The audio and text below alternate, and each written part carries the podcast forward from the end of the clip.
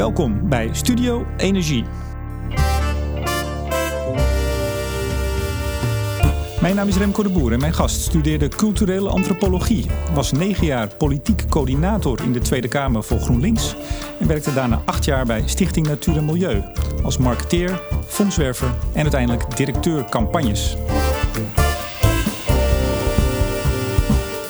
Sinds twee jaar is hij directeur van de Nederlandse Vereniging Duurzame Energie. Hoe erg is het eigenlijk dat het kabinet op minder CO2 stuurt en niet op meer duurzame energie? Dat en nog veel meer vraag ik aan Olof van der Gaag.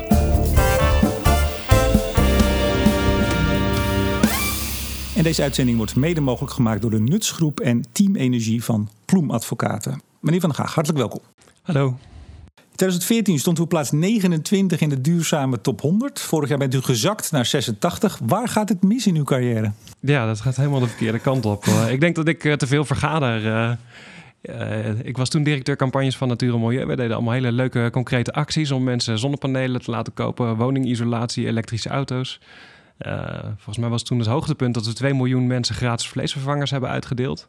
Om de flexitariër te promoten in Nederland. Dus het was allemaal heel concreet en aansprekend. En nu ben ik vooral in Den Haag aan het vergaderen. Dus dat is wat minder sexy. Terwijl de NVDE die, die, die verenigt zo'n duizend organisaties, bedrijven... die allemaal heel erg hard bezig zijn om uh, meer duurzame energie voor elkaar te krijgen. Je zou zeggen, dat is eigenlijk veel praktischer. En als milieu, milieu, of, uh, natuur en milieu is het eigenlijk vaak wat meer op afstand. Ja, nou ja, die, die acties die ik toen deed, die waren eigenlijk juist heel concreet. Uh, die bedrijven bij de NVD die doen ook hele concrete dingen. Maar mijn rol is toch vooral met drie slagen in de rond te vergaderen in Den Haag. Met zo'n energieakkoord, et cetera. Maar mijn ambitie is om weer de goede kant op te gaan. Ik wil even met u over de praktijk hebben. Afgelopen vrijdag kwam het CBS met nieuwe cijfers over het aandeel hernieuwbare elektriciteit. Uh, 2017 zijn we naar de 13,8 gegaan van de 12,5. Uh, we zitten hier op uw kantoor in Utrecht. Was het die vrijdag taart of treurnis? Nou, het was eigenlijk vooral gewoon niet zo'n verrassing. We wisten dankzij het Planbureau voor de Leefomgeving vrij goed welke kant het op zou gaan. Dus er is ruim 10% duurzame elektriciteit bijgekomen. Ja, dat is weer een stapje de goede kant op, maar er zijn nog heel veel van dat soort stapjes nodig natuurlijk. Als het over duurzame energie gaat, moeten we de 14% halen in 2020. Hè? De bekende 14%. We zaten in 2016 op uh, 6. We zouden nu ongeveer ergens in de 7 moeten zitten. Korte vraag, graag een kort antwoord. Gaan we dat halen, die 14%? Als alles mee zit, kan het nog net. Denkt u dat we het gaan halen? Als echt iedereen alles doet wat hij moet doen, dan kan het nog net. Maar het wordt wel heel spannend. Het gaat erom knijpen. Maar het zit in tiende van procenten als we ernaast zitten. Dus uh, de nou, grote de lijn is echt de laatste, de laatste nef was, uh, ik geloof, 12,5 hè? Ja, ja. Dus... Maar er zijn weer extra acties bijgekomen, dus we gaan er echt niet anderhalf procentpunt achter zitten. Dus nou ja, we gaan hem aantikken, denk ik. Kijkt u ook niet vooral naar die 2023, die 16 procent? Want daar, die zouden we ruim moeten kunnen halen. Ja, daar schieten we dan weer lekker overheen. Dus dat compenseert wel. Maar ik wil ook echt die 14 procent natuurlijk gewoon halen. Oké. Het vorige kabinet legde de nadruk heel erg op die duurzame energie. Die 14, die 16 procent. Het zijn bijna magische getallen geworden vanaf 2013. Uh, het huidige kabinet zet op één doel in. En dat is minder uh, broeikasgas uitstoten. Eigenlijk waar we het uiteindelijk voor doen. U vindt dat niet slim. Waarom niet? Nou ja, het is wel uh, in de eerste plaats vooral heel erg goed dat er een heel hoog doel is om CO2 terug te dringen. Dan ontkom je niet aan duurzame energie en energiebesparing. Maar het en het is ook wel apart als je terugkijkt op het energieakkoord. Daar zat een doelstelling in voor duurzame energie, voor besparing en voor werkgelegenheid. Er zat helemaal geen CO2-doel in. Dus dat is ook een beetje apart. Maar ja, we schieten nu van het ene door naar het andere. Maar we hadden natuurlijk die 20% en uiteindelijk die 25% door het agenda vonnis, hè? Ja, maar dat stond niet in het energieakkoord. Dus nee. in het hele energieakkoord, tientallen pagina's vol, maar daar staat geen doel voor CO2-reductie in. Dat is eigenlijk ook apart. Dus wat wij vonden was, maak nou een overkoepelend doel voor CO2-reductie. Want dat is inderdaad een hele belangrijke reden om voor duurzame energie en voor besparing te zijn. Maar maak ook wel subdoelen voor duurzame energie en energiebesparing. Maar dat is niet uh, gebeurd. Maar dat is helaas niet gebeurd. Uh, maar niet getreurd, uh, we gaan er uh, met, met dit regeerakkoord ook iets moois van maken. We zagen met die 14 procent bijvoorbeeld biomassa bijstook. Hè? Dat stond in het energieakkoord. Ja. Daar kwam ook vrij veel verzet tegen. Ook door partijen, bijvoorbeeld D66, die het aanvankelijk eigenlijk graag wilden. minister Kamp zei steeds, ja, ik heb dat nodig, anders haal ik het niet. Is het dus niet heel slim om niet zo te focussen op precies 14 procent of 16 of 17 of 18? Want dan krijg je dit soort gevallen. Hè? Je kunt dan bijna niet meer bijsturen. Er wordt heel erg gefocust dan op één getal. Ja, in dit geval kon je ook nog eens niet schuiven tussen technieken. Dus daarmee werd het wel uh, heel gefixeerd. Het laat ook wel zien hoe snel het kan veranderen. Want uh, een van de redenen waarom dat in het energieakkoord stond... was omdat biomassa bijstook toen zo ongeveer de goedkoopste vorm van duurzame elektriciteit was. Uh, maar dat is al lang niet meer zo. zon- en windenergie zijn veel goedkoper geworden. dan we toen zelfs de meeste optimistische mensen toen hadden kunnen voorzien, denk ik. Maar is dat niet sowieso een van de lastige zaken? Dat we zijn bezig met een, een traject naar 2050. Hè? Ja. Uh, dingen veranderen heel snel. Maar ja, je moet afspraken maken. Ja.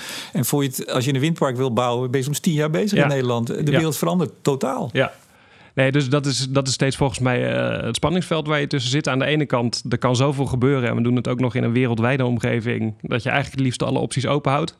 En tegelijkertijd, als je zegt van nou, we zien wel hoe het loopt, dan kom je ook nergens. Dus daar, daar zoeken we de hele tijd een soort balans tussen, volgens mij. Nou, wil u niet alleen meer duurzame energie, dat is logisch. U wilt 100% duurzame energie. Uh, in oktober zei u, wij vinden 100% duurzame energie nodig voor stevig en blijvende aanpak van klimaatverandering. Nou stond er onlangs een artikel in Energy and Environmental Science. Daar was weer de conclusie van alleen wind en zon is aanzienlijk duurder dan wanneer we ook andere bronnen gebruiken. Bijvoorbeeld kernenergie of fossiel met CCS, afvangopslag uh, CO2. Uh, want stond ook in dat artikel wat je aan zon en wind moet neerzetten om ook de pieken op te vangen. Dat is echt onverantwoord duur. Spreekt u met die 100% duurzame energie niet ontzettend gewoon voor eigen parochie, voor uw achterban die graag heel veel windmolens wil neerzetten? Ja, die achterban die is sowieso gelukkig heel veel breder dan uh, leveranciers van windmolens. Dus bij 100% duurzame energie gaat het ons ook om geothermie, om uh, bio-energie, om maar een paar dingen te noemen. Uh, om warmtepompen. Er zijn nog zo ongelooflijk veel andere opties dan zon en wind. want met de kennis van nu zeg ik ook met alleen zon en wind gaan we het niet redden. We hadden onze ledenvergadering georganiseerd bij het KNMI, uh, vlak voor de kerst. Uh, om hier nog even wat extra gevoel voor te krijgen. Van hoe vaak gaat het nou gebeuren dat het ongelooflijk koud is in de winter. En dat je nauwelijks windenergie en nauwelijks zonne-energie hebt. En het antwoord is, ja, die momenten die gaan voorkomen. En dat gaat ook weken duren. Dus ik zou nooit beweren dat we het met alleen zon en wind gaan redden. Je, je zag het afgelopen week al, hè? Het aantal mensen ook twitterden over... nou, ik kom nu wel een beetje in de knel te zitten met mijn warmtepomp. Ja, nou, ik heb zelf toevallig zonnepanelen. Uh, die deden het wel ongelooflijk goed de afgelopen weken. Oké. Okay. Um, nu, nu, zet het kabinet um, in het regeerakkoord ook flink in op CCS.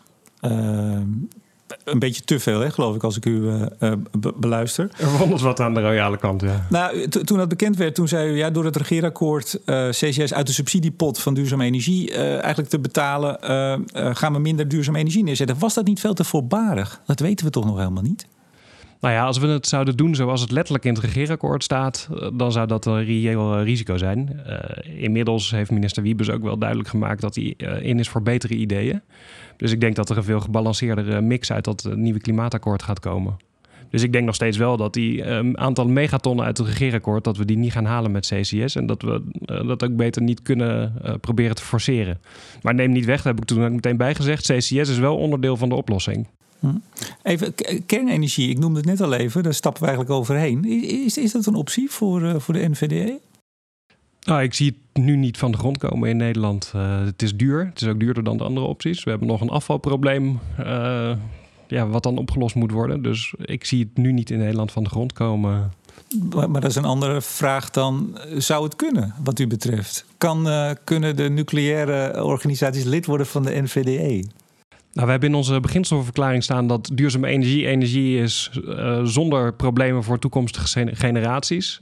Dat is echt met uh, kernenergie nog niet opgelost. Uh, dus op dit moment denk ik van niet. Maar het is ook niet iets wat me erg bezighoudt, omdat ik gewoon niet, niet één initiatiefnemer in Nederland ken die een nieuwe kerncentrale neer wil gaan zetten. Maar in Engeland zien we dat wel. Ja, en die is twee keer zo duur als de windparken op zee. Dus in die zin denk ik er zijn grotere zorgen. Maar, maar als we even dat, dat geld weghalen, want wij gaan ook geloof 500 miljard uitgeven de komende 33 jaar om die transitie vorm te geven. Uh, in Duitsland heeft men ervoor gekozen om, om de bruinkoolcentrales en de steenkoolcentrales open te houden, uh, nucleair te sluiten. In Engeland doet men het eigenlijk andersom. En in Duitsland zie je dat hun uitstoot eigenlijk niet veel verder naar beneden gaat. In Engeland wel. Als we het nou hebben over dat grote doel, dat ene doel, het terugbrengen van uh, onze broeikasgasuitstoot, dan is het toch eigenlijk wel heel slim om ook nucleair daarin op te nemen, even los van de kosten.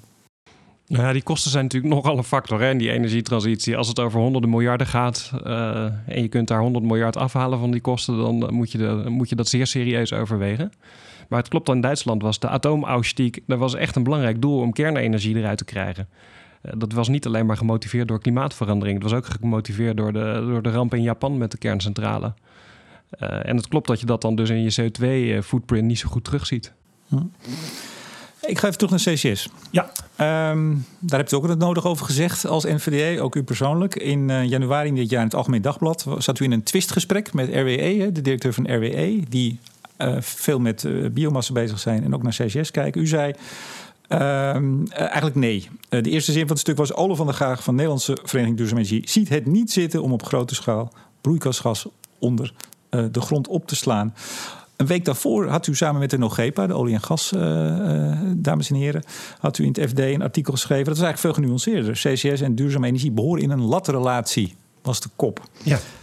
Um, wat vindt de NVDE nou exact precies van CCS? Want ik, ik kan het af en toe niet meer helemaal volgen. Ja, nee, ik snap dat dat uh, verwarrend was. Uh, het kwam ook nog eens kort na elkaar. Eh, wat wij echt vinden stond in dat artikel in het Financieel Dagblad. Wij zien CCS als een onderdeel van de mix dat je apart zou moeten organiseren. Dus we hebben in Nederland nog nooit een CCS-project tot stand gebracht. Uh, laten we eerst gaan proberen dat we één of twee of misschien drie mooie grote projecten doen. Waarmee we kunnen leren hoe het werkt. Ook kunnen leren wat het kost. En ook kunnen leren hoe we daar het publiek in mee kunnen nemen. Dat is uh, de oplossing waar zo ongeveer het minst maatschappelijk draagvlak voor is. Uh, dus we hebben daar nog een hele uitdaging te gaan. Dus laten we daar één, twee of drie mooie demonstratieprojecten voor starten. Uh, en dat op een aparte manier ook financieren. Niet, niet op kosten van de burger of niet ten laste van de budgetten voor duurzame energie. Laten we dat apart organiseren. Dus dat was die latrelatie uh, waar wij het over hadden. Maar kijk, het geld voor, voor die experimenten of die tests of die pilots, dat moet ergens vandaan komen. En het klinkt af en toe een beetje dat u zegt van ja, kijk, er gaat dit jaar 12 miljard hè, naar duurzame energie. Op het moment dat het 11 zou zijn en er gaat 1 miljard naar pilots voor CCS, dan denk ik dat u gaat zeggen ja, dat, we zijn een miljard kwijt voor duurzame energie. Het komt allemaal uit dezelfde portemonnee natuurlijk. Hoe gaat u dat onderscheid maken tussen ja, dit is een apart budget? Want het komt allemaal uit de grote staatskas. Ja, het, gaat er ook deels om van hoe uh, zie je CCS nou? Uh, de SDE-regeling die is heel erg goed om echt honderden, zelfs duizenden projecten in een jaar af te kunnen handelen. Uh, dat is heel iets anders dan één of twee of drie demonstratieprojecten tot stand brengen. Dat laatste, het eerste is confectie, het tweede is eigenlijk maatwerk. Dus daar gaat het ook om dat het gewoon een aparte regeling is. En je kunt er natuurlijk voor kiezen wie je die rekening laat betalen. Je kunt zeggen, zoals bij de SDE wordt die voor een belangrijk deel door burgers betaald. Je kunt ook zeggen, nou daar kan de industrie een groter deel zelf aan, mee, aan meebetalen.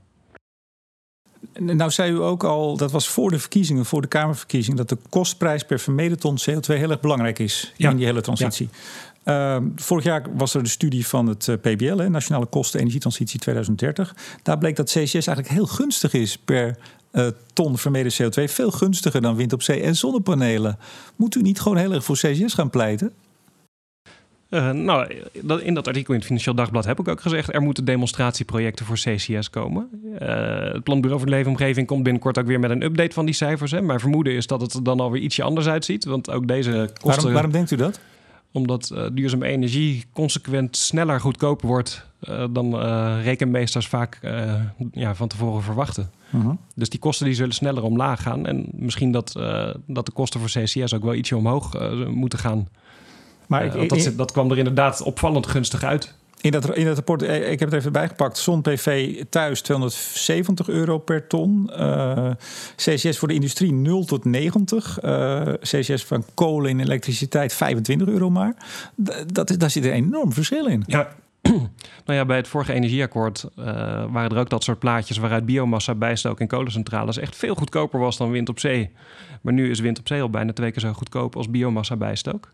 Maar dus dit zijn geen waarde, statische... Sorry, wat is dan de waarde van zo'n rapport eigenlijk nog? Hè? Dat, dat, daar kun je ja, op een gegeven moment over discussiëren. Ja, Nee, dat is, dat, ook dat is een lastig ding. Want ik vind het ongelooflijk belangrijk dat er een onafhankelijke rekenmeester is... die zegt, dit zijn gewoon de getallen en daar doen we het mee. Uh, en daar mag je wel over discussiëren, maar op een gegeven moment moet je gewoon accepteren: oké, okay, dit is de werkelijkheid. Uh, net als met de doorrekeningen van verkiezingsprogramma's.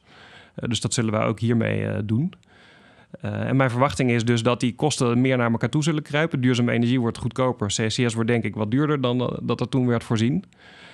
Uh, maar voor mij is het zelfs zo, als duurzame energie uh, goedkoper is dan CCS, ook in de rekentabellen van het PBL, dan nog zeg ik, uh, er zullen demonstratieprojecten voor CCS gefinancierd moeten worden. Dus ik snap dat ik nu de schijn in zekere zin tegen heb en dat ik, ja, dat ik CCS mijn eigen winkel probeer uit te duwen.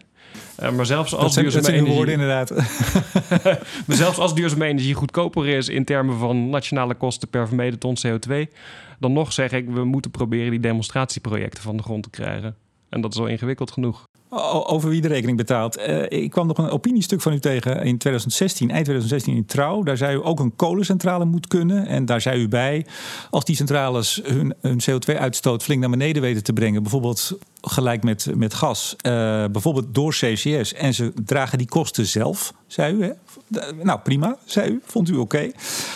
Toen dacht ik, wanneer vindt u dat een uitstoter um, dit soort zaken voor, voor eigen rekening moet nemen? En wanneer zou een uitstoter, en wat voor uitstoter zou dat zijn? Is dat dan de raffinage of is dat uh, opwekking? Wanneer zouden zij in aanmerking komen voor ja, CCS-subsidie of hoe we het ook maar noemen? In het geval van kolen- en gascentrales uh, was het argument, wat ook een goed argument is, dat zon en wind niet alles kunnen doen. Jij zei het net zelf ook. Dus dat je ook backup capaciteit nodig hebt die flexibel is. Dus dat vind ik een goed argument. Maar vervolgens moet je dan kijken, wat is dan de schoonste backup capaciteit? En hebben we die in Nederland? Nou, dan is een gascentrale twee keer zo schoon of een kolencentrale is twee keer zo vervuilend als een gascentrale.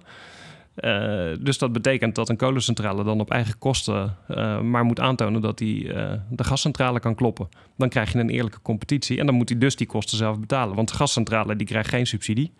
ja, dus de een die kan zonder subsidie een bepaald niveau halen. Als de ander het ook zonder subsidie kan, dan heb je een eerlijke competitie als die de competitie aangaat met subsidie van de overheid, ja, dan is het geen eerlijke competitie meer. Maar als we even iets breder trekken, ik noem het al raffinage. Er zijn natuurlijk veel grotere, uh, meer grote uitstoters van, van broeikasgassen. Hoe, hoe, hoe, kijkt u daar tegenaan? Wie moeten we helpen en wie niet? Want je krijgt op een gegeven moment een soort, uh, we ja. vinden kolen fout, die zoeken het maar uit. Nou, ja. vinden we dat straks misschien ook van raffinage? Of? Ja, nou, in ieder geval één ding om, om rekening mee te houden is: heb je een alternatief? Uh, en als er een alternatief is, zoals in het geval van de kolencentrale, ja, dan kun je vrij streng zijn. Dan kun je 100% uh, zelf laten financieren om, om de vervuiling op te lossen. Als de alternatieven er nog niet zijn, ja, dan heb je een vorm van uh, publieke financiering eh, sneller nodig. En wat wel een probleem is, denk ik in Nederland, zeker ook voor het draagvlak. is dat burgers relatief veel betalen voor een ton CO2 en grote industrie relatief weinig. Dus dat hoeft voor mij niet één op één dezelfde prijs per ton CO2 te worden. Want die industrie die, ja, die zit ook in een wereldwijde concurrentie. Maar eh, het verschil is nu een factor 2, 300. Uh, ja, dat is wel erg dol. Dus dat mag wel ietsje eerlijker. Nou, vertegenwoordigt u ook allerlei bedrijven hè, die, die actief werken om meer duurzame energie in Nederland te krijgen. Die investeren, die verwachten ook van de overheid een consistent beleid. Die kolencentrales dachten dat ook. Ja. Die werd letterlijk tien jaar geleden gevraagd: bouw ons graag drie kolencentrales. Eh, de laatste ging 2016 open op de Maasvlakte. Hoe kijkt u daar tegenaan? Want uh, zou het zo kunnen zijn dat er straks over één of twee kabinetten een heel andere wind waait en uw leden die nu investeren ineens misschien dan ook uh, gedacht wordt gezegd en zoek het maar uit, zoals de kolencentrales nu? Ja, Nee, ik, uh, ik herken zeer het pleidooi voor consistent beleid. Uh, uh, ik heb het zelf ook de laatste jaren gezegd. Ik moet zeggen dat ik wel sceptischer ben geworden hoe realistisch die wens van consistent beleid nou is, in alle eerlijkheid. In een democratie is het gewoon zo dat je over twee jaar het kabinet Baudet 1 kunt hebben. Ja, die gaat een hele kant, andere kant op dan het kabinet Tieme 1. Hij zal het fijn vinden om te horen trouwens, meneer Baudet, denk ik. Ja, ja maar Jan Tieme vindt het vast ook leuk ook, ja, zeker. om, om de eerste première van Nederland te worden. Ja, nee, maar, maar, maar het, is, het is wel een serieus issue. Denk ik, want we praten over miljarden investeringen en bedrijven moeten toch ergens op kunnen rekenen. En de kolencentrales hebben dat gedaan en die uh, aan het kortsteind. Ja, nou, volgens mij is dat ook deel van de waarde van maatschappelijke akkoorden, zoals een energieakkoord of een klimaatakkoord. Dat als je met tientallen partijen zegt laten we het zo gaan doen, dat heeft wel een, een dempende werking op de vluchtigheid van de politiek. Eh, dat maakt het beleid voorspelbaarder. Maar Nederland heeft jarenlang uitgeblonken in yo-yo-beleid. Uh, ja, daar werd ook de duurzame energiesector knettergek van. Hm. Uh, het woord viel net al even. U, u, sprak het uit. Draagvlak. Draagvlak voor de transitie. Uh, uw vorige werkgever, Natuur en Milieu, die startte al snel na het bekendmaken van het regeerakkoord een petitie tegen CCS. Althans, eerst leek het tegen CCS, toen tegen de bekostiging daarvan. Wie ging de rekening betalen? U noemde het al. U weet als oud-campaigner van Natuur en Milieu, denk ik heel goed dat je daarmee controverse creëert, wat uiteindelijk dat draagvlak zal aantasten. Is dat nou wel slim, gezien de noodzaak dat we CCS toch echt nodig hebben voor onze klimaatdoelen, blijkt uit alle onderzoeken? Ja, ik denk dat, dat het uh, na het regeerakkoord vond ik het, als ik er nu op terugkijk, een gepolariseerde discussie. Daar heb ik zelf ook een aandeel in gehad. Uh, nou, daar kan iedereen nog even over nadenken van was dat nou verstandig? Uh, het had natuurlijk ook geholpen als in het regeerakkoord een ietsje diplomatieker zinnetje had gestaan. Ik denk dat veel mensen ook gewoon schrokken van de enorme hoeveelheid megatonnen CO2. Ook de industrie zelf schrok zich daar een hoedje van. Milieuorganisaties schrokken, wij ook. Dus als daar had gestaan van laten we serieuze projecten met CCS van de grond gaan tillen, dan was Natuur en Milieu ook die petitie nooit gestart. Nou, u zit hier in hetzelfde gebouw in Utrecht. bent u al eens even gaan buurten en gezegd, joh, dat moeten we misschien volgende keer anders doen? Nee, heb ik, uh, heb ik mij niet over uitgelaten. Is ook niks zo vervelend als mensen die nog over een graf heen uh, proberen te regeren. Nee, maar u zei al, u had er ook een aandeel in. Dus even wat breder dan alleen natuur en milieu, maar de NVDE. Er zijn veel partijen geweest die erg in het geweer kwamen en daarmee CCS toch in een wat negatiever daglicht ja. uh, zetten. Ja. Nou, u stak net hand in eigen boezem. Ik ja. kan me voorstellen dat het ook in het onderling overleg wel eens ter sprake komt van, joh, hadden we dit nou zo moeten doen?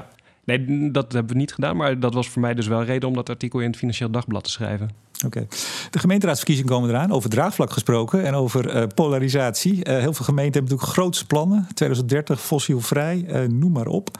er is veel verzet tegen wind op land. Nou, dat weten we allemaal. Het wordt ook steeds ja. meer tegen de grote zonneparken. Ja. De solarparks. biomassa ligt ook niet goed. Um, we gaan naar 6000 megawatt wind op land 2020 hè, in, het, uh, energieakkoord. Is het in het kader van het draagvlak, het brede draagvlak voor die transitie, die verbouwing van ons land, uh, niet heel slim om te zeggen we houden het bij die 6000 en dan stoppen we? Uh, nee, ik denk dat we nog steeds wel meer windenergie nodig hebben, ook van land. Uh, maar ik herken wel uh, de discussie. Het probleem is namelijk, dan kun je zeggen we doen wind op land niet meer. Maar dan moet er een andere optie weer groter worden waar net zoveel discussie of misschien nog meer discussie over is. Maar als ik met Pieter Boot van het uh, Planbureau voor de Leefomgeving praat, die zegt dan ja, maar we, we, gaan zoveel op zee zetten. Als je nou kijkt wat we nog op land erbij kunnen zetten, dat is sprokkelen, dat is heel veel moeite, heel lastig. En dus ook dat draagvlak tast het aan. Er zijn gewoon heel veel mensen tegen. Zet het nou gewoon op de Noordzee. Oké, okay, je verliest wat, maar je wint er ook wat mee. Ja, Nee, ik ben er sowieso voor dat we maximaal gaan neerzetten op de Noordzee wat er mogelijk is. Ik denk dat daar, uh, daar kan sowieso 1 gigawatt per jaar bij gaan komen. Maar ik denk dat daar uh, zelfs 2 gigawatt per jaar nieuw uh, te realiseren is. Maar dat is toch veel meer dan wat we op land kwijt kunnen? Laat dat toch zitten. Is dan het centimeter? Ja, nou ja, maar dan met, ook met, zelfs met 2 gigawatt wind op zee zijn we er nog niet. Dan hebben we nog steeds heel veel alternatieven nodig. En als mensen geen windmolens op land willen, ja, dan krijgen ze daar grote zonneparken voor terug. Of een biomassa-centrale of een geothermieput. En ik vrees dat eigenlijk over elke oplossing uh, discussie zal komen. Energiebesparing, daar is denk ik nog het minst uh, discussie over. Maar als je in een mooi jaren 30 huis gaat wonen en er moet een soort theemuts overheen worden gezet, dan krijg je ook daar discussie over. Dus... Hoe, hoe, kijkt u, hoe kijkt u breed tegen dat verzet aan? Is dat, baart dat u zorgen, laat ik het zo zeggen? Nou, dus, eh, ik zie eigenlijk een, eh, een dubbel signaal als ik uh, ook enquêtes onder de bevolking lees. Aan de ene kant is het draagvlak voor duurzame energie ongelooflijk groot. 80, 90 procent van Nederland is voor windenergie, voor zonne-energie. Alleen tegelijkertijd onderschatten mensen enorm hoeveel oppervlakte dat ook gaat kosten. Hoezeer het in hun eigen leefomgeving gaat komen. En hoeveel geld het gaat kosten. Ja, en ook hoeveel geld het gaat kosten. Maar dat is nog, daarvan kun je nog zeggen dat uh, dat is een bewegend uh, gegeven. Maar wordt dat niet straks het grote struikelblok als, als men merkt dat men, we gaan naar de 200 euro per jaar gemiddeld voor de odeopslag hè, per ja. huishouden ja. van het gas af, 15, 25.000 euro ongeveer. Dat zijn natuurlijk enorme bedragen. Ja. Denkt u dat dat gaat lukken?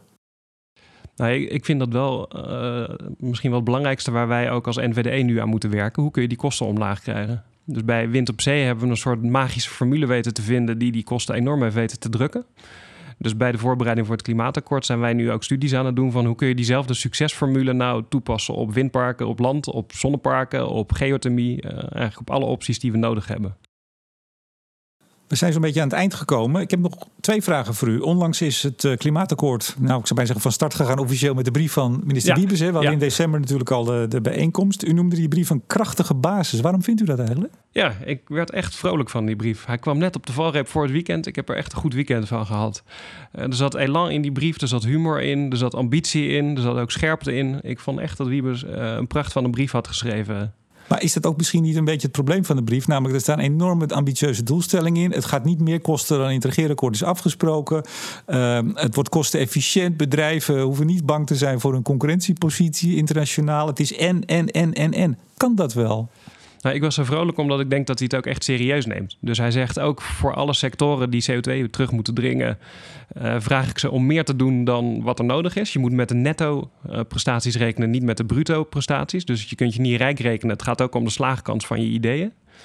Uh, de rekenmeesters die zitten ook aan tafel in dat klimaatakkoord van het Planbureau voor de Leefomgeving. Dus hij wil ze ook echt halen. En hij zegt van subsidie inderdaad van nou, die pot, daar zit een deksel op, dat komt niet meer bij. Maar er zijn natuurlijk veel meer wegen naar Rome dan alleen subsidie. Maar de vraag is of het gaat lukken. Kan alles wat daar beloofd of waarop ingezet wordt? Ja, het kan wel, maar het komt niet als eh, mannen uit de hemel vallen. Dus je moet er wel wat voor doen. En als je geen subsidie in wil zetten, nou, dat vind ik best. Eh, maar dan moet je vervuiling wat harder beprijzen. Of je moet eh, meer verplichtingen en normen opleggen. Waar verwacht u de grootste struikelblokken in die onderhandelingen die nu gaan beginnen? Al die tafels, die vijf tafels, nog een koepeltafel eroverheen. Waar verwacht u, wat is de grote bottleneck? Grote bottleneck is denk ik toch, waar landen de kosten? Uh, want als je het niet met subsidie doet en er komt een verplichting of een heffing voor terug, ja, er is altijd iemand die die heffing betaalt of die die verplichting aan zijn broek krijgt. En die partijen die zullen gaan piepen, denk ik. Zit de NVDE zelf ook aan tafel? Ja. ja. U zelf ook persoonlijk? Ja. Bij welke? Uh, bij... Hebt u ze alle vijf? Rent u van de een naar de andere tafel? nee, de planning tot nu toe is dat ik zelf elektriciteit en mobiliteit ga doen. En uh, gebouwde omgeving, dat gaat uh, Teun Bokhoven, voorzitter van ons bestuur, doen. Oké. We zijn het einde gekomen van deze aflevering van Studio Energie. Mede mogelijk gemaakt door de Nutsgroep en Team Energie van Ploem Advocaten. Olaf van der Gaag, directeur van de Nederlandse Vereniging Duurzame Energie. Hartelijk dank. Ja, ook bedankt. En uiteraard bedank ik jou, beste luisteraar, voor het luisteren. Mijn naam is Remco de Boer. Graag tot volgende week.